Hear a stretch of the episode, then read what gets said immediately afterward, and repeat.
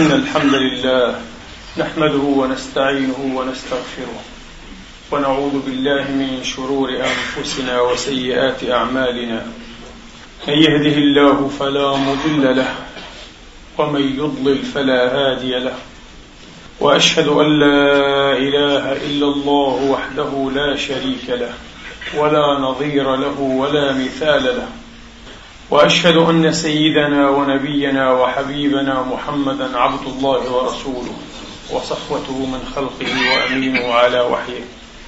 صلى الله تعالى عليه وعلى آله الطيبين الطاهرين وصحابته المباركين الميامين واتباع بإحسان إلى يوم الدين وسلم تسليما كثيرا. عباد الله أوصيكم ونفسي الخاطئة بتقوى الله العظيم ولزوم طاعته. كما أحذركم وأحذر نفسي من عصيانه ومخالفة أمره.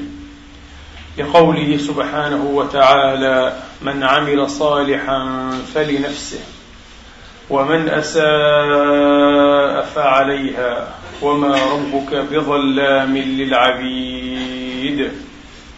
ثم أما بعد أيها الإخوة المسلمون الأفاضل أيتها الأخوات المسلمات الفاضلات يقول المولى الجليل سبحانه وتعالى في محكم التنزيل بعد أن أعوذ بالله من الشيطان الرجيم.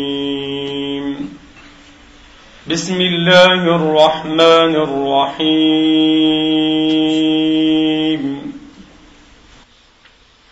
ولقد كرمنا بني آدم وحملناهم في البر والبحر وحملناهم في البر والبحر ورزقناهم من الطيبات وفضلناهم على كثير ممن ممن خلقنا تفضيلا يوم ندعو كل اناس بامامهم فمن اوتي كتابه بيمينه فاولئك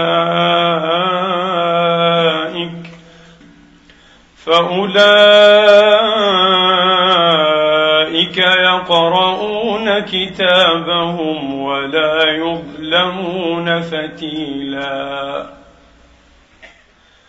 ولقد كرمنا بني آدم وحملناهم في البر والبحر ورزقناهم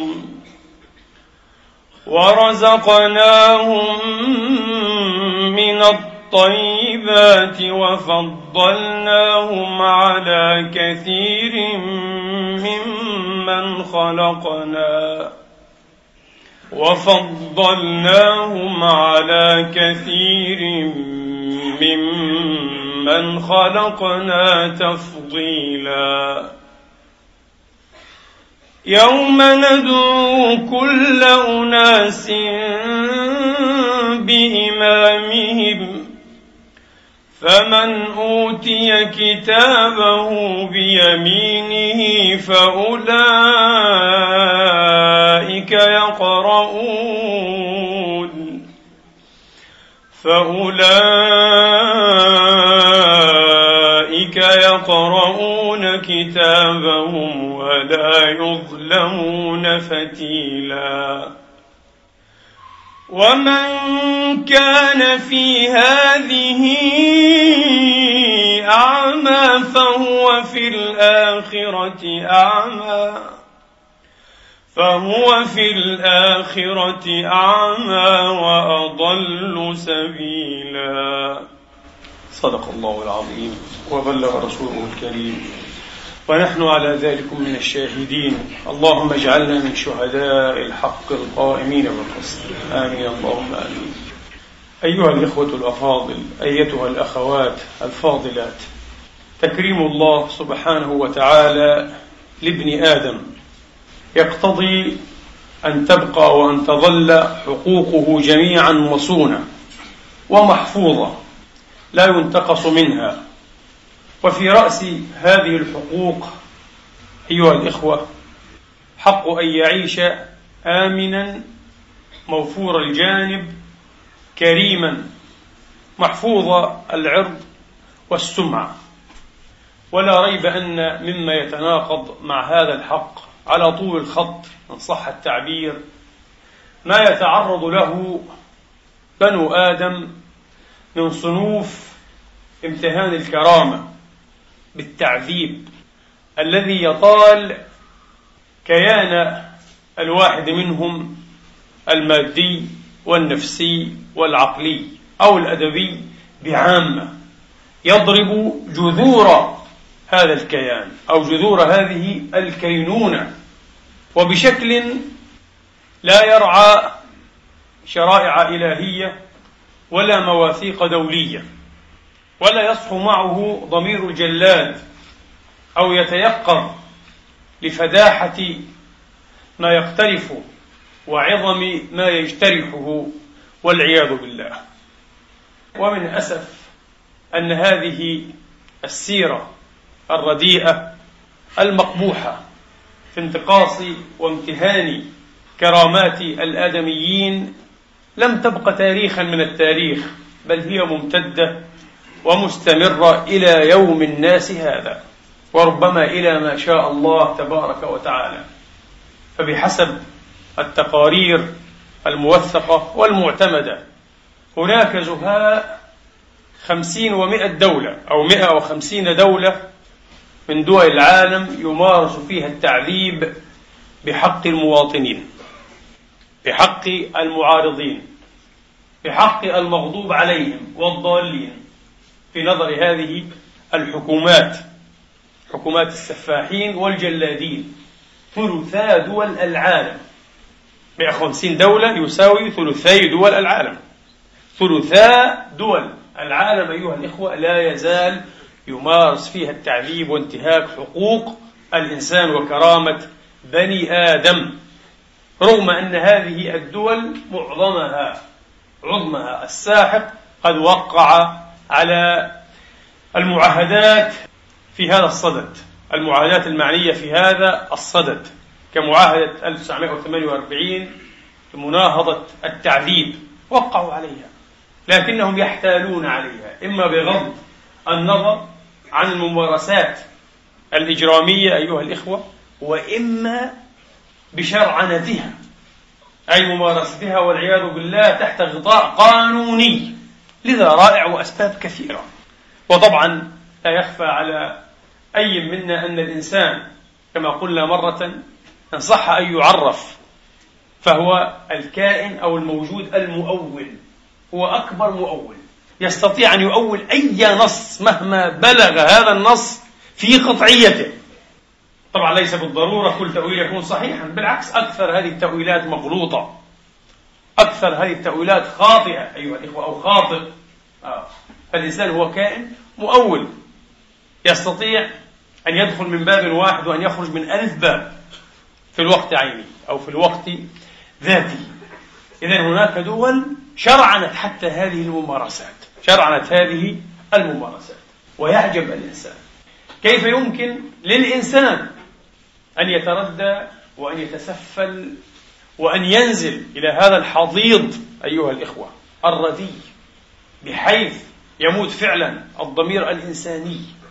ويعرب أيها الإخوة ويترجم عن أسفل ما في قاع الغرائز الحيوانية الكامنة في النفس الإنسانية. وقد يكون متعلما وقد يكون مثقفا بل قد يكون مرجعيا بمعنى من المعاني لأن الجلاد ليس هو فقط من يمسك الصوت أيها الإخوة. ومن يطلق الرصاص لا. الجلاد أيضا من يشرعن من يغض الطرف أيها الإخوة. من يعطي المباركة من يعطي المباركة. من يبرز الذرائع والعلل أو التعلات المختلفة. أيضا هذا جلاد. لعله أحق بوصف الجلاد من صاحب السوط أيها الإخوة والهراوة. لعل هذا أحق بوصف الجلاد. نعم. يعجب الإنسان. لكن ونحن نقرأ كتاب الله تبارك وتعالى على لسان الأملاك المكرمين أتجعل فيها من يفسد فيها ويسفك الدماء مع أن سفك الدماء هو أعظم وأخطر وأسوأ مظاهر الإفساد في الأرض لكنهم خصصوه بالذكر لأنها نزعة يبدو أنها نزعة غرزية وأصيلة في هذا الإنسان. لا تكبحها مواثيق دولية ولا معاهدات ولا ما أشبه ذلك. لا يكبحها أيها الإخوة إلا الانصياع للشرع الإلهي. الانصياع للشرع السماوي فقط.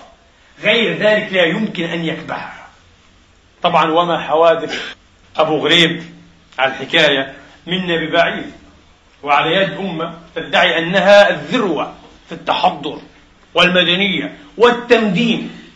تحمل على عاتقها بزعمها أو زعمت مهمة إنها لمهمة ثقيلة طبعا مهمة تمدين وتحضير الآخرين الهمج البرابرة من أمثالنا. للأسف في القرن الحادي والعشرين. ولذلك هذه الحضارة يوشك أن تكون قشرة. لو كشطتها أو حككتها سيظهر الغول أيها الإخوة الوحش القابع تحت جلد هذا الإنسان. لا يعنينا أن يكون هذا الجلد أبيض أو أسود. إنها قشرة مجرد قشرة. حتى قال أحد الفلاسفة الفرنسيين قال يبدو أننا نزعم لأنفسنا درجة من التحضر من التألق الحضاري تقربنا جدا إلى الوحشية والبربرية. وذلكم كالحديد. إذا جوز صقله تماما اعتراه الصدى طبعا الحديد إذا صقل بطريقة جيدة بطريقة متقنة ومبالغ فيها أيها الإخوة أصبح مؤهلا لا قابلية لأن يصدع وبسرعة. فهم على درجة راقية جدا من الحضارة. انقفلت معها الدائرة فالتقوا مع البرابرة والهمج مع المتوحشين. على كل التعذيب ليس ابن اليوم أيها الإخوة ولا ابن الأمس القريب.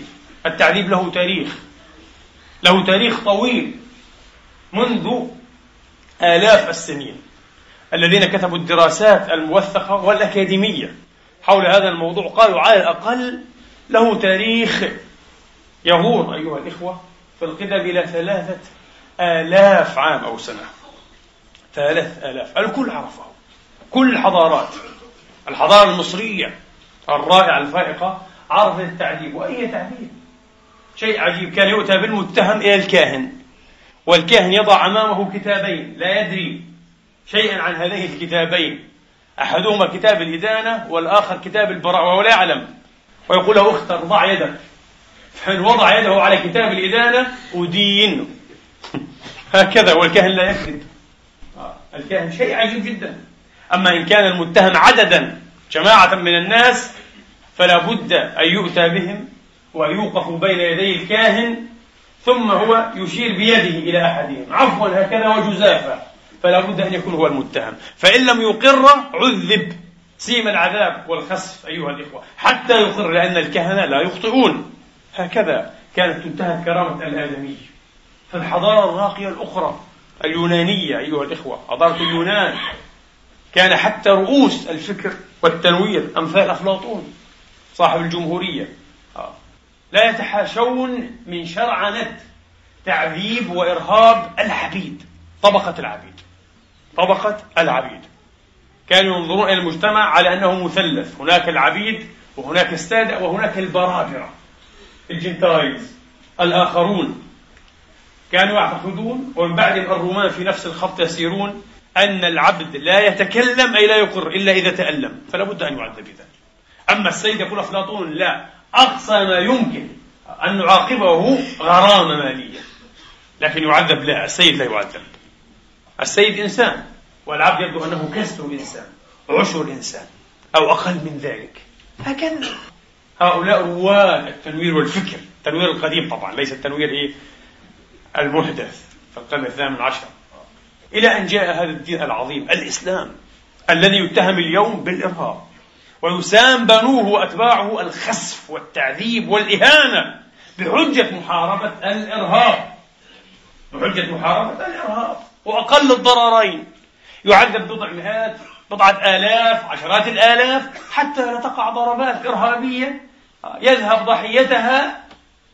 عدد أكبر من هذا بكثير. ما هذه الموازنات العجيبة جدا؟ بمثل هذا الفكر أيها الإخوة لا تبقى هناك حصانة ولا أدنى ضمان لأي إنسان على وجه الأرض أمام أي سلطة متسلطة. طبعا مثل هذا الفكر ممكن يسمى فكر الموازنات فكر التراجيح. لا تبقى هناك ضمان لأي إنسان. وهذا من باب الذرائع والتوسل إلى انتقاص وانتهاك كرامات الآدميين. تماما كتلكم الذريعة والتعلة القديمة الحديثة التي لا تزال تردد إلى يومنا هذا. نطق بها روبسفير الثائر الكبير حين قال إن على الحكومة الثورية تأمين حريات وكرامات المواطنين الصالحين. أما أعداء الشعب فليس لهم إلا الموت. قد يبدو هذا الكلام متماسكا لكن في ذهن غير محترم. أما في الذهن المحترم فالسؤال يلوح مباشرة ويبرز من تلقائه. ومن هو الذي يحدد أيها الإخوة؟ من هو الذي يحدد؟ من هو الذي يميز ويفرق بين أعداء الشعب وبين المواطنين الصالحين؟ ليست الأعمال ليست النوايا والمقاصد أبدا. إنه أيها الإخوة الرغبة والهوى الثوري. من كان مع الثوريين فهو مواطن صالح ومن كان ضدهم حتى وإن كان أحرص على المصلحة العامة وعلى شعبه وأرض وطنه ألف مرة أكثر منهم فهو الخائن الذي ليس له إلا الموت فلا حريات لأعداء الشعب لا حقوق لأعداء الشعب من هم أعداء الشعب؟ أعداء الحكومة أعداء الثلة أعداء اللجنة المركزية أيها الأخوة. مثلا الأحزاب الشيوعية وأمثالها. هكذا أعداء المتنفذين الكبار أصحاب الأيدي الطائلة كما يقال بالعامية. هؤلاء. وبالتالي سوف نرى تقريبا أن الشعب كله في النهاية هو عدو الشعب. الشعب عدو نفسه لذا لا حصان له ولا كرامة له ولا بد أن يسام كل واحد الخسف والعذاب. وأن تمتهن كرامته. ذرائع سخيفة وتالفة جاء هذا الدين العظيم ليعلن كرامة الإنسان. محفوظية هذه الكرامة. في كل الظروف أيها الإخوة حتى وإن كان جانيا ليس لنا عليه سبيل إلا بالعقوبة. الشرعية الإلهية العادلة. أبدا أكثر من ذلك لا. تحفظ كرامته حتى حين إنزال العقوبة عمر بن الخطاب رضي الله عنه وأرضاه يهدده أبو لؤلؤ المجوسي. يهدده على ملأ ويسمع الإمام علي عليه السلام التهديد. عمر لم يفهم. قال له عمر سمعت أنك صانع ماهر تصنع الرحى. قال نعم. ولأصنعن لك رحى يتحدث بها الناس. رحى من نوع ممتاز. قال أحسنت. قال علي يا أبا حفص تهددك العبد. قال ماذا؟ قال تهددك. أنت لم تفهم علي؟ تهددك بالقتل. قال ما شاء الله كان. يحدثنا التاريخ أيها ولم يحدثنا بغير ذلك. أن عمر رضي الله عنه وأرضاه ليس واليا وليس رئيس دولة خليفة. على بضع عشرة دولة. ما زاد أيها الإخوة على أن مضى في سبيله وترك الرجل لم يعرض له حتى بالتوقيف الاشتباهي لأنه مشتبه فيه. فلا بد أن يوقف حتى نتبين جلية الأمر. لا لم يرى أن الله يعطيه هذا الحق. تركه. لم يمر أقل من أسبوع واستشهد الخليفة العادل بيد هذا الرجل المجرم. هكذا. تفيض نفسه الشريفة. طبعا لم يرى أن الإسلام أيها الإخوة سيضطرب حبله وينتثر نظامه بموته لأنه عمر بن الخطاب الفاروق وهذا تاج توجه ممن؟ من رسول الله. الرسول لقبه بهذا. لم يرى نفسه بالعكس. هذا الإسلام له حملته وله رجاله وله ربه سبحانه وتعالى. لن تضيع هذه الأمة. لن تضيع طبعا لأن الأكابر الذين يظنون أن الأمة تضيع تشعر باليتم أيها الإخوة تتيتم هذه الأمة. إذا ذهبوا أو إذا زحزحوا عن كراسي الحكم سوف تضيع وتتيتم هذه الأمة. ولذلك يبررون أنفسهم كل صنوف الامتهان والتعذيب والعسف والظلم حتى لا تضيع الأمة وتفضل مصالحها لأن الأمة لم تلد إلا هم أمهات. هذه الأمة لم تلد إلا هم. ليس لهم نظير. لا إله إلا الله. عمر قال لا. تفيض نفسه الشريفة ويقول ألا لا يقتلن بي أحد إلا قاتلي. ولا أراكم تخوضون دماء الناس تقولون قتل أمير المؤمنين. لا. من قتلني يقتل فقط. أعجب منه موقف أخيه الإمام علي عليه السلام. وكرم الله وجهه. حين فتاه الملعون. ضربه بالخنجر أو بالسيف المسمم أو المسموم. فطبعا ألقي القبض عليه وأوثق فقال أبو الحسن يوصي بني وأهل بيتي عليهم السلام أجمعين. قال أكرموا مثواه وأحسنوا نزله. فإن أعش فأنا أولى بدمه قصاصا أو عفوا. لا يمتهن لا يعذب. حتى طبعا نستخرج إيه؟ جذور المؤامرة. من الذين حاكوا؟ من الذين دبروا؟ من وراءك؟ ومن الذي يقف وراء من هم وراءك وهكذا طبعا؟ كما تعلمون إلى الدرجة السادسة في القرابة أو السابعة أو التاسعة حتى في بعض الدول. شيء عجيب يا أخي. يقبض على المشتبه وهو مجرد مشتبه فيه. وهكذا يذهب ضحية اشتباه هذا المسكين المظلوم أقرباؤه من ذوي الدرجة التاسعة في القرابة. أو أقل أو أكثر. شيء عجيب. أي ظلم هذا أي ظلام نعيشه؟ أي سواد تعيش هذه الأمة؟ شيء عجيب وغريب جدا أيها الإخوة. أبدا. قال فإن أعش فأنا أولى بدمه قصاصا أو عفوا وإن أمت فألحقوه بي أخاصمه بين يدي رب العالمين. الله أكبر على هذا العدل. الله أكبر. أمير المؤمنين. أبدا. لم يكن ليقتل إلا هو فقط. قال حتى هو يكرم الآن. يكرم. لا نمتهنه لا نعذبه لا نسيء إليه. قال فليقتل أكثر شيء ليس هناك. ووصاة النبي واضحة جلية. إذا قتلتم فأحسنوا القتلة. حتى هذه القتلة الشرعية الواجبة أيها الإخوة في بعض الأحيان لابد أن تكون حسنة. الحيوان لابد أن يذبح ذبحة حسنة النبي قال. الحديث مشهور جدا. لابد أن يذبح ذبحة حسنة. معاوية بن سويد بن مقرن يقول جاء رجل النبي وقال يا رسول الله أنا أرحم الشاة أريد أن أذبحها. قلبي يرق لها أنعطف عليها. قال الله عز وجل يرحمك إذا رحمتها وهي شاة. وأحل الله لنا ذبحها. نرحم برحمتنا هذه الشاة فكيف برحمتنا عباد الله تبارك وتعالى؟ فكيف برحمتنا إخوان الملة والدين أيها الإخوة؟ المواطنين الصالحين أو الطالحين. مواطنون. إخوان في الملة إخوان في الدين إخوان في الوطن. إخوان في الإنسانية في الآدمية. تكرمنا بني آدم. لم يقل المؤمنين. آه. وعباد الرحمن بني آدم. لذلك نهينا عن التمثيل بجثث قتل الكفار أيها الإخوة. نهينا. وليسوا قدوة لنا. نهينا عن قطع رؤوسهم وحملها أيضا. الولاة والأمراء والخلفاء. نهينا عن هذا.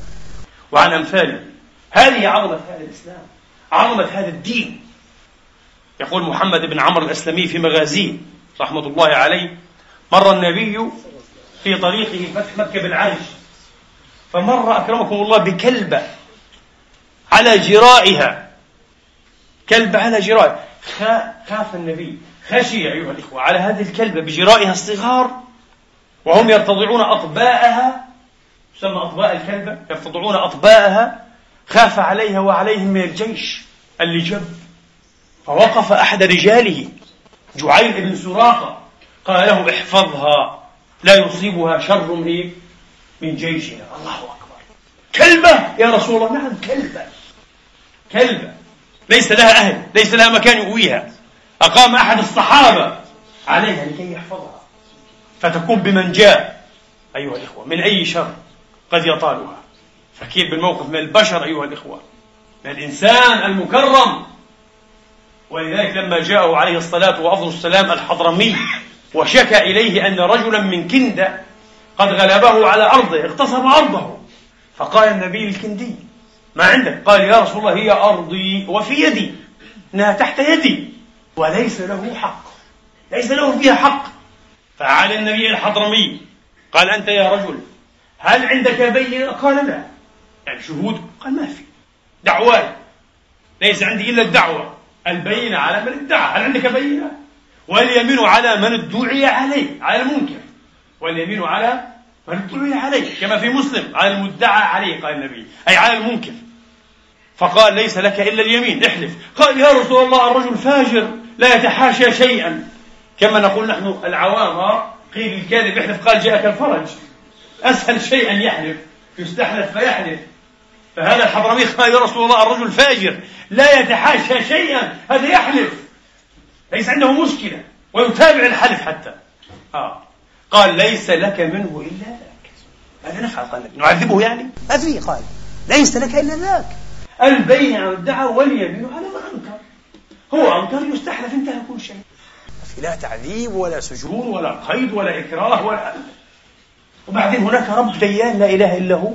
لا يترك الناس حتى في هذه الدنيا. الأمور كلها دول وقصاص حتى والله في هذه الدنيا. أيها الإخوة ليعد كل منكم إلى نفسه. لو دقق النظر أيها الإخوة لو دقق النظر وأحكمه لوجد تقريبا أن أكثر ما أسلفه من شر ومن سوء إلى عباد الله قد اقتص منه في الدنيا قبل الآخرة. قصاص خاصة العدوان على عباد الله على حقوق العباد فيه واحد يقول لا هناك ظلم أنت لا تدري أحوال هؤلاء الظلمة لا تتحدث عنهم. لا تدري ما الذي يعانونه في بيوتهم مع زوجاتهم في أعراضهم في صحتهم في حالتهم العقلية النفسية. لا تعرف عنهم شيئا. أنت تظن أنهم معززون مكرمون. لا. الوضع يختلف تماما. الوضع يختلف تماما. يخشى أحدهم حتى من ظله. يعيش مفزعا. أه؟ خائفا. رعديدا. كما قال الشاعر بذا قضى الله بين الخلق مذ خلقوا. أن المخاوف والإجرام في قرني. إذا قضى الله بين الخلق آه مذ خلقوا أن المخاوف والإجرام في قرني. هذا من قصص الله العاجل سبحانه وتعالى. تركه النبي.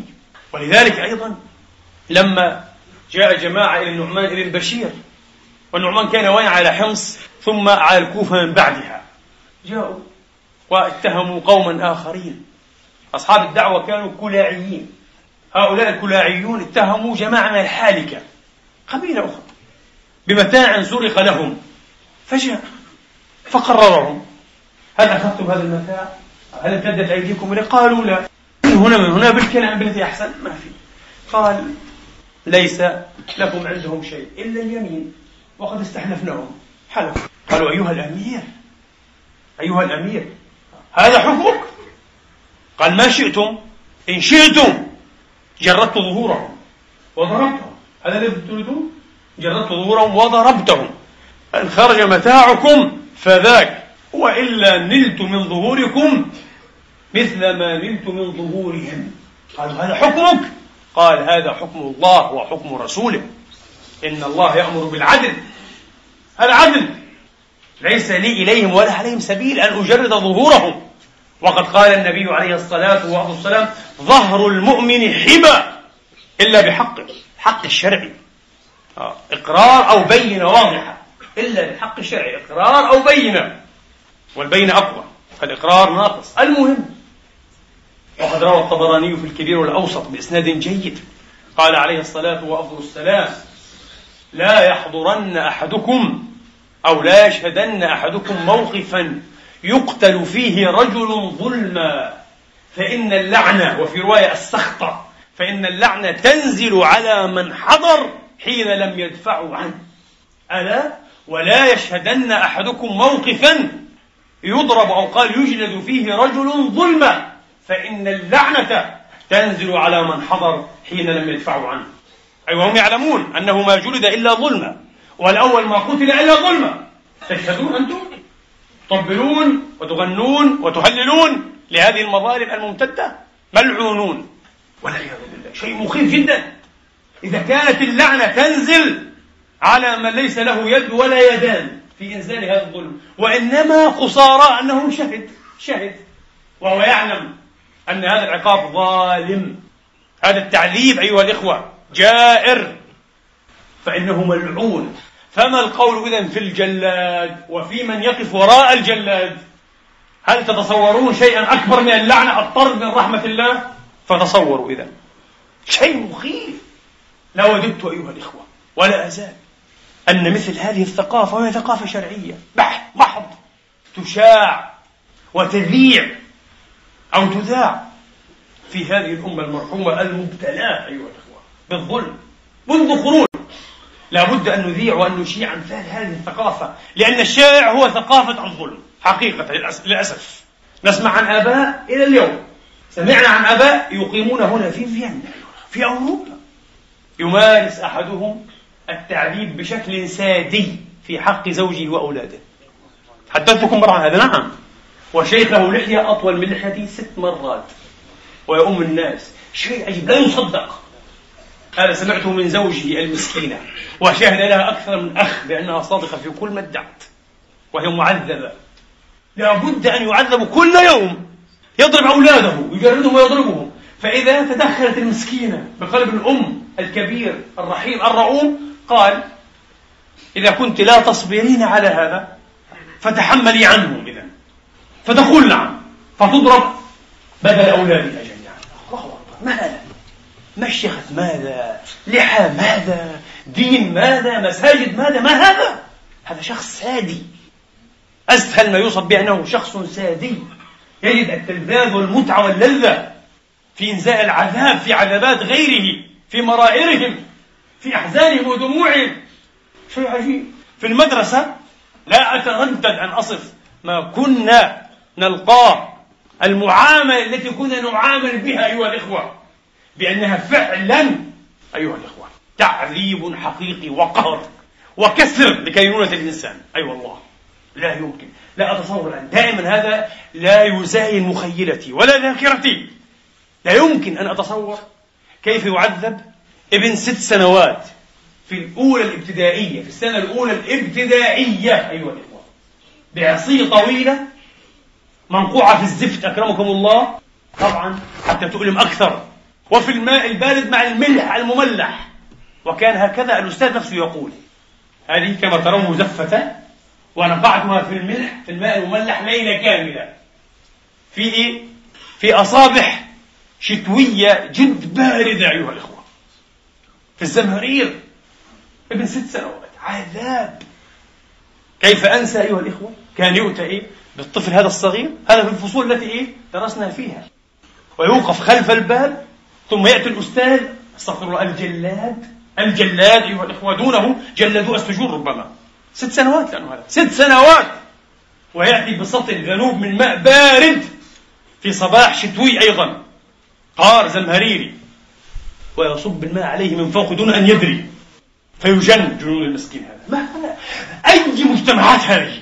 طبعا وآباؤنا لم يكونوا ليأبهون. كانوا يقولون اكسر ونحن نجبر. أي ثقافة أي مجتمعات لأن الأب أيضا هو نمرود وفرعون وديكتاتور متعلق في أسرته في بيته هذا الأستاذ أيضا عبد وهكذا هو يعامل أهله. هذا هذا هو مجتمعنا. هذه مجتمعاتنا. لما لم نكن نسمع بتواتر أمثال هذه الأحاديث أيها الإخوة على المنابر تقال للناس والناس فيها خير. الناس فيهم خير لا يزالون وخير كثير والله. لكن يحتاجون أن يتذكروا. روى مسلم وأبو داود وغيرهما عن هشام بن حكيم بن حزام رضي الله عنهما أنه مر بالشام فرأى جماعة من النبط الأنباط وقد وقفوا الشمس وصب على رؤوسهم الزيت. فقال ما هذا؟ في يوم صائف شديد الحر. قال ما هذا؟ قال يعذبون في الخراج. لم يعطوا خراج أي أرضهم. تماما. فيعذبون. فقال أشهد لسمعت رسول الله صلى الله عليه وآله وأصحابه وسلم يقول إن الله يعذب الذين يعذبون الناس. تعذب وستعذب. لكن بعذاب من الآن؟ بعذاب الله. وذلك عذاب لا تقوم له السماوات والأراضون. لأنه عن غضبه وانتقامه لا إله إلا هو. عذاب يحكي غضب الرب لا إله إلا هو. من يقوم له؟ من يصبر لهذا العذاب فما أصبرهم على النار؟ لا أحد. أنت تعذب بقدرك وستعذب. بقدر ما يقدر الله عليك لا إله إلا هو. قال أشهد لسمعت رسول الله صلى الله عليه وسلم يقول إن الله يعذب الذين يعذبون الناس. ثم دخل على الأمير فحدثهم فأمر الأمير من فوره أن يخلى سبيله جاهل الأمير مسلم جاهل لم يكن يعلم. فلما وقف على النص النبوي خاف طبعا وارعوى ونزع عما كان فيه. لو مثل هذه الثقافة تشاع سيقل عدد الجلادين. لن ينعدم طبعا. هناك نفوس ملتفة هناك نفوس متسفلة شقية والعياذ بالله. طبعا. هناك من لديهم استعداد للزندقة والكفر. فبالحري أن يكونوا مستعدين ومتأهلين لتعذيب البراء بلا شك. لكن سيقل عدد الجلادين وسيزداد عدد المطالبين بالعدل أيها الإخوة. الناقمين على الظلم الصارخين في وجوه السفاحين. وهكذا ستتقوض دولتهم أسرع إن شاء الله تعالى. لأن لابد أن تشاع أمثال هذه الثقافة. مثل هذه الخطبة مثلا مثل هذه الأحاديث الصحيحة يمكن أن يقال إنها سياسة لكن الساسة السفاحين يرونها سياسة من أخطر السياسة. أنا متأكد أنهم يمنعون مثل هذا الكلام في بلادنا. لماذا؟ لأن ضده ونقيضه يمارس صباح مساء على عشرات الآلاف من عباد الله البراء هكذا قال أشهد إن الله يعذب الذين يعذبون الناس أي يوم القيامة وربما في الدنيا أطلقها. إذا لابد أن نشيع أيها الإخوة وأن نبدأ ونعيد في أمثال هذه المفهومات أو المفاهيم حتى تقر وتترسخ في نفوس ووجدانات أبنائنا إخواننا. صغار وكبار. خطوة على الطريق خطوة على الطريق. أما التبريرات الباردة كما قلت والتعليلات الفارغة هذه لا مكان لها في مدوناتنا الفقهية العلمية بحمد الله تبارك وتعالى. هنا يفخر الأوروبيون بأن الفيلسوف الإيطالي الشهير سيزار بيكاريا في منتصف القرن الثامن عشر أطلق هذه المقولة التي خلدها التاريخ. قال إن المتهم إذا سيم العذاب إن المتهم إذا سيم العذاب فلن نكون واثقين من أنه لن يقول إلا ما يريده معذبه. بالعكس هذا احتمال قائم. سيعترف بما لم يفعله. وهكذا فستؤول وسائل التحقيق التي يراد منها ولها أن تكون فارقة ومميزة. كلام بيكاريا الإيطالي. بين المذنب الحقيقي وبين البريء إلى إعدام الفرق بينهما. ستختلط الأوراق. يفتخرون بسيزار بيكاريا ما هذا؟ هذا موجود في تراثنا في شكل أيها الإخوة في شكل مقررات وأحكام ودراسات فقهية مطولة جدا. ومن شاء فليعد إلى أي كتاب فقهي موسع وليعد فيه أو ضمنه إلى كتاب الإكراه ليقف على عشرات وعشرات المسائل في هذا الباب. عمر بن الخطاب رضوان الله عليه هو الذي قال كلمته المشهورة قبل بكاري هذا بكم بقرون. هذا في منتصف القرن الثامن عشر 1964 تقريبا. عمر قال ليس الرجل على نفسه بأمين. وعلى فكرة انظروا إلى البلاغة. البلاغة والاقتدار. كلام بكاري كلام طويل مجهد تحتاج أن تتابعه. لكن عمر بجملة واحدة قصيرة. قال ليس الرجل على نفسه بأمين إذا أوثقت وعذبت. انتهى. ليس الرجل على نفسه بأمين إذا أوثقت وعذبت. تقتاد رجلا. تضع القيد والغل. آه. ثم تسومه الخسف والعذاب بعد ذلك. ثم تقول نطق بالحق. لا لا نعرف نطق بالحق نطق الباطل اختلطت إيه؟ الأوراق والأمور. فليس على نفسه بأمين. ولذلك قال القاضي الشهير جدا شريح الكندي رضوان الله تعالى عليه. قال السجن كره والقيد كره والضرب كره والوعيد كره. الله أكبر. ذهب ذهب سيزار بكاري وأمثاله. ذهبوا في الهواء هذا شريح الذي قضى أكثر من سبعين سنة أيها الإخوة. يعمل قاضيا قال حتى الوعيد تقول له سأفعل كذا كذا كذا. سأخلع مفاصلك. سأفعل بك كذا وكذا. الوعيد مجرد وعيد وتهديد. قال هذا كره. لو أنه أقر تحت تأثير الوعيد فهذا مكره. ولا اعتبار أيها الإخوة بإقرار المكره. نعم لا اعتبار. لأنه مكره. فكيف إذا عذب؟ كيف إذا قيد؟ كيف إذا سجن؟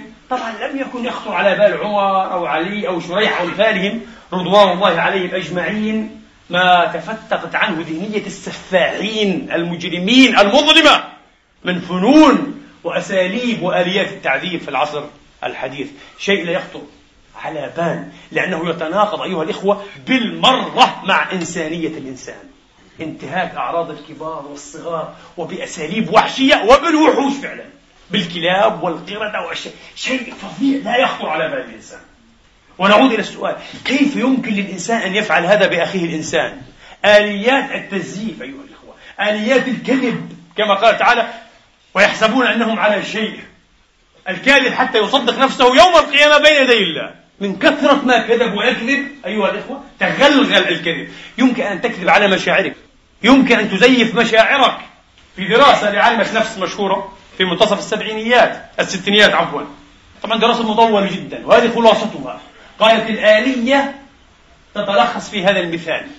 بدل أن يقول جلاد لنفسه فظيع جدا ما أنزلته بالضحايا أو بالمتهمين. مرة جدا تلك الفظاعات والمراعظ التي صببتها على أمهات رؤوسهم. صعب جدا. هذا يضع الضمير مباشرة في حالة تيقظ وبإزاء جرائمه لا أقول مسؤولياته وهذا يحطم كيان الإنسان. ويبقى الإنسان. إنسان لكنه يقول لنفسه فظيع جدا ما شاهدته. ما شاهدته؟ أنت شاهدت أو فعلت يا رجل؟ طبعا. لا هو شاهد. كان يفعل وشاهد هذا الشيء. فظيع جدا ما شاهدته من هذه العذابات والفظائع بحق أولئكم المجرمين. إذا هو إيه؟ سيطر على المطلوب هم مجرمون قبل أن يعترفوا. ولأنهم مجرمون إذا حتى هذا العذاب الفظيع يصبح غير فظيع في حقهم. آه. شاهدته في حق وإنه لحمل ثقيل الذي ألقي على عاتقه. آه ما شاء الله. هو رجل موظف ويمارس دوره ووظيفته بشرف وبأمانة. طبعا في محاكمات نورنبيرغ كل الجلادين النازيين كل السفاحين الكبار والصغار كانت لازمتهم. كان جوابهم اللازم كانت لازمتهم إنها الأوامر أوامر. كنا نتلقى أوامر. وفي ملف الأوديسا أه؟ نفس الشيء. كان نفس الجواب. نفس الجواب إنها الأوامر. هل خدمت في الجيش؟ إنها الأوامر. أوامر عسكرية. انتهى كل شيء. لا أبدا. أين هذا من تعاليم الأنبياء؟ أين هذا من تعاليم سيد المرسلين والخلق أجمعين؟ لا طاعة لمخلوق في معصية الخالق. إنما الطاعة في المعروف. إنما الطاعة في المعروف. يقول ابن حزم رحمة الله عليه الإمام الظاهري الشهير ومن أنزل به عذاب بغير حق مش عقوبة شرعية أو تعديل شرعي فله القصاص ممن أنزله به وإن كان سلطانا. يشير إلى مخالفة مذهب الشافعية. لأن السادة الشافعية يرون إيه؟ أن السلطان لا يختص منه لأحد من الرعية وهذا مخالف بظواهر الأحاديث. النبي أقص من نفسه. النبي أقاد من نفسه. وعمر أقاد من ولاته. نعم معاوية هو الذي ابتدع أنه لا يقاد من الولاة.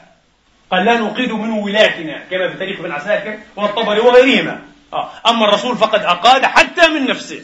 وما حديث سواد بن غزية عنكم ببعيد والإخوة. من نفسه عليه الصلاة والسلام. وهو القائل في الحديث الصحيح سند صحيح الذي أخرجه الإمام أحمد في مسنده عن أم المؤمنين أم سلمة رضي الله عنهم وأرضاهم أجمعين قالت دعا النبي بخادمة لها لأم سلمة. يقول الراوي أو له. اشتبه الأمر. هل هي خادمة له مملوكة له أو مملوكة لزوجته؟ الأمر قريب. فلم تجبه. حتى ظهر أو عرف الغضب في وجهه دعاها أكثر من مرة. وصاح بها وهي لا تجيب. فغضب النبي تقول أم سلمة فخرجت؟ فإذا هي قريب في مكان قريب جدا. من الحجرة. آه، بين الحجرات. تلعب ببهمة بولد الضأن بولد الضأن تلعب ببهمة. فقلت لها ألا أراك هنا تلعبين ورسول الله يدعوك؟ فأتي بها إلى الرسول. فقالت والذي بعثك بالحق. ما سمعتك. تقول أم سلمة وفي يده سواك. سواك. عشرة سنتيمتر آه؟ خشيبة صغيرة. آه. ورطبة. آه. تشاف بها الأفواه والأسنان. رطبة. قال عليه الصلاة والسلام لولا خشية القول لأوجعتك بهذا السواك. الله أكبر. الله أكبر. وهل سيقال منك يا نبي الرحمة لو أنك أوجعتها نعم. هذا الكلام هذا ظاهر كلامه. لولا خشية القول أي يوم القيامة. لأوجعتك بهذا السواك لكن سأضرب. لا إله إلا الله. ما في كرامة ما في العدل قيمة مطلقة لا تنصف. قيمة مطلقة لا تنصف. لأوجعتك بهذا السواك. صلى الله عليه وآله وأصحابه وسلم. نعم. ولذلك أحد المقرنين من آل مقرن يقول كنا سبعة آل مقرن على عهد رسول الله صلى الله عليه وسلم وليس لنا إلا خادم واحدة. تذكر وتؤنث خادم ها؟ واحد وسبعة. يعني فقراء وهذه قليلة. خادمة واحدة. خادم واحدة. فأتت ذنبا فضربناها. يبدو أنهم ضربوها أو لطموها هكذا ليس ضربا وجيعا. فضربناها. فبلغ الأمر النبي عليه الصلاة والسلام فقال ليعتقوها. إذا خافوا من القصاص يوم القيامة تعتق الآن. لماذا؟ لأنه قال في حديث آخر مخرج في صحيح مسلم قال عليه الصلاة والسلام إذا ضرب العبد حدا لم يأته أو لطم على وجهه فليس له كفارة إلا عفو. أن يعتق. نعم. وإلا القصاص الوجيع يوم القيامة. وهذا في مسلم. هناك حديث ضعيف في هذا الباب لكن هذا في مسلم. صحيح. وتقدم هذا. فقالوا يا رسول الله نحن سبعة ونحتاجها. فقراء سبعة تخدم سبعة. فقال لتخدمهم لتخدمهم حتى يستغنوا عنها فإذا استغنوا عنها فليعتقوها. فإذا استغنوا عنها فليعتقوها أيضا. أصر النبي على ذلك. لابد أن تعتق. في صحيح مسلم وفي غيره أيضا لكن هذا في الصحيح. عن أبي مسعود البدري الأنصاري قال كنت أضرب غلاما لي بصوت. يبدو أنه غضبه جدا فهذا أخذ صوته وجعل يضربه. قال فبين أنا أضربه إذ سمعت صوتا من خلفي اعلم أبا مسعود. قال لم أتبينه من شدة الغضب ولذلك هو لم يكمل الجملة. ماذا قال؟ اعلم ماذا؟ آه. لم يكمل قال لم أتبين الصوت. صوت من وماذا قال؟ إلا هاتين الكلمتين. اعلم أبا مسعود. قال حتى إذا دنا فالتفت فإذا هو رسول الله صلى الله عليه وآله وأصحابه وسلم. قال اعلم أبا مسعود أن الله أقدر عليك منك على هذا الغلام. تضرب هكذا لأنه مملوك لك. الله أقدر عليك. منك على قدرته عليك أعظم من قدرتك على غلامك. قلت يا رسول الله والله لا أضرب مملوكا بعده. وفي رواية يا رسول الله هو حر لوجه الله تعالى. خلاص خسر ماله وكسب نفسه. عفي إن شاء الله من القصاص فقال فاعلم أنك لو لم تفعل للفحتك النار. وفي رواية لمستك النار. وهذا عبد مملوك. مملوك أيها الإخوة منصف الحرية منصف حتى إيه؟ الكيان تقريبا. فكيف بالذين يضربون أزواجهم وأولادهم ضربا مبرحا أيها الإخوة بغير سبب شرعي؟ كيف؟ كيف سيكون القصاص والعقاب والعذاب يوم القيامة؟ قال لا فحتك وفي رواية لمستك النار والعياذ بالله. شيء مخيف أيها الأخوة. يقول زيد يقول أسامة عفوا زيد بن ثابت قال صلى الله عليه وسلم في حجة الوداع ضمن الوصاة في آخر حياته. والحديث أخرجه أحمد في مسنده أيضا. قال أرقاءكم يوصي بهم. أرقاءكم أطعموهم مما تأكلون واكسوهم مما تلبسون فإن أتوا بذنب لا تريدون أن تغفروه فبيعوهم ولا تعذبوا عباد الله. حتى لو كان عبدا مشاكسا شاموسا نكدا كل على مولاه أبدا. لا تعذب. بعه واشتري غيره ولا تعذب. قال فبيعوهم. فإن أتوا بذنب لا تريدون أن تغفروا فبيعوهم ولا تعذبوا عباد الله. كل شيء إلا تعذيب عباد الله. نسأل الله تبارك وتعالى أن يمن علينا. أن نلقاه وليس لأحد في عنقنا مظلمة. من دم أو عرض أو مال أو غير ذلك. إنه ولي ذلك والقادر عليه. أقول ما تسمعون وأستغفر الله لي ولكم فاستغفروه.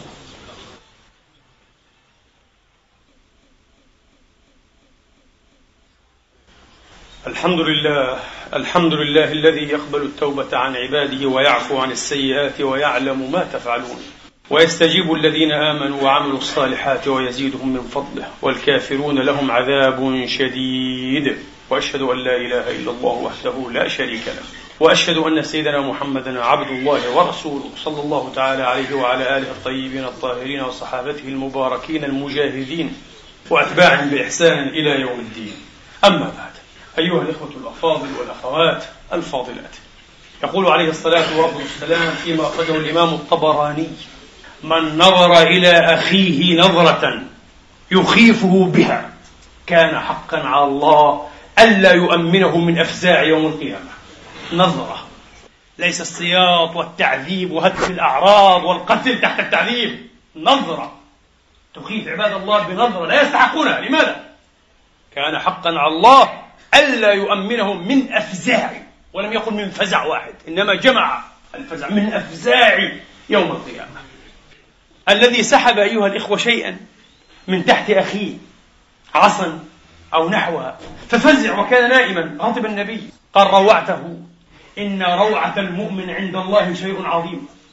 تخويف المسلمين شيء عظيم. طبعا أساليب التحقيق والاستخبارات تقوم كلها على التلويع. من أول لحظة من لحظة أن يلقى القبض هو يلقى القبض عليه؟ هو. اسمه إلقاء قبض هو. اسمه مداهمات. جرائم حقيقية. في وضح النهار أيها الإخوة جرائم مخيفة. يفزع منها الإنس والجن والطير. فضلا عن الإنسان صاحب القلب الضعيف لحم ودم طين وماء. تقوم على ذلك على الترويع والتخويف.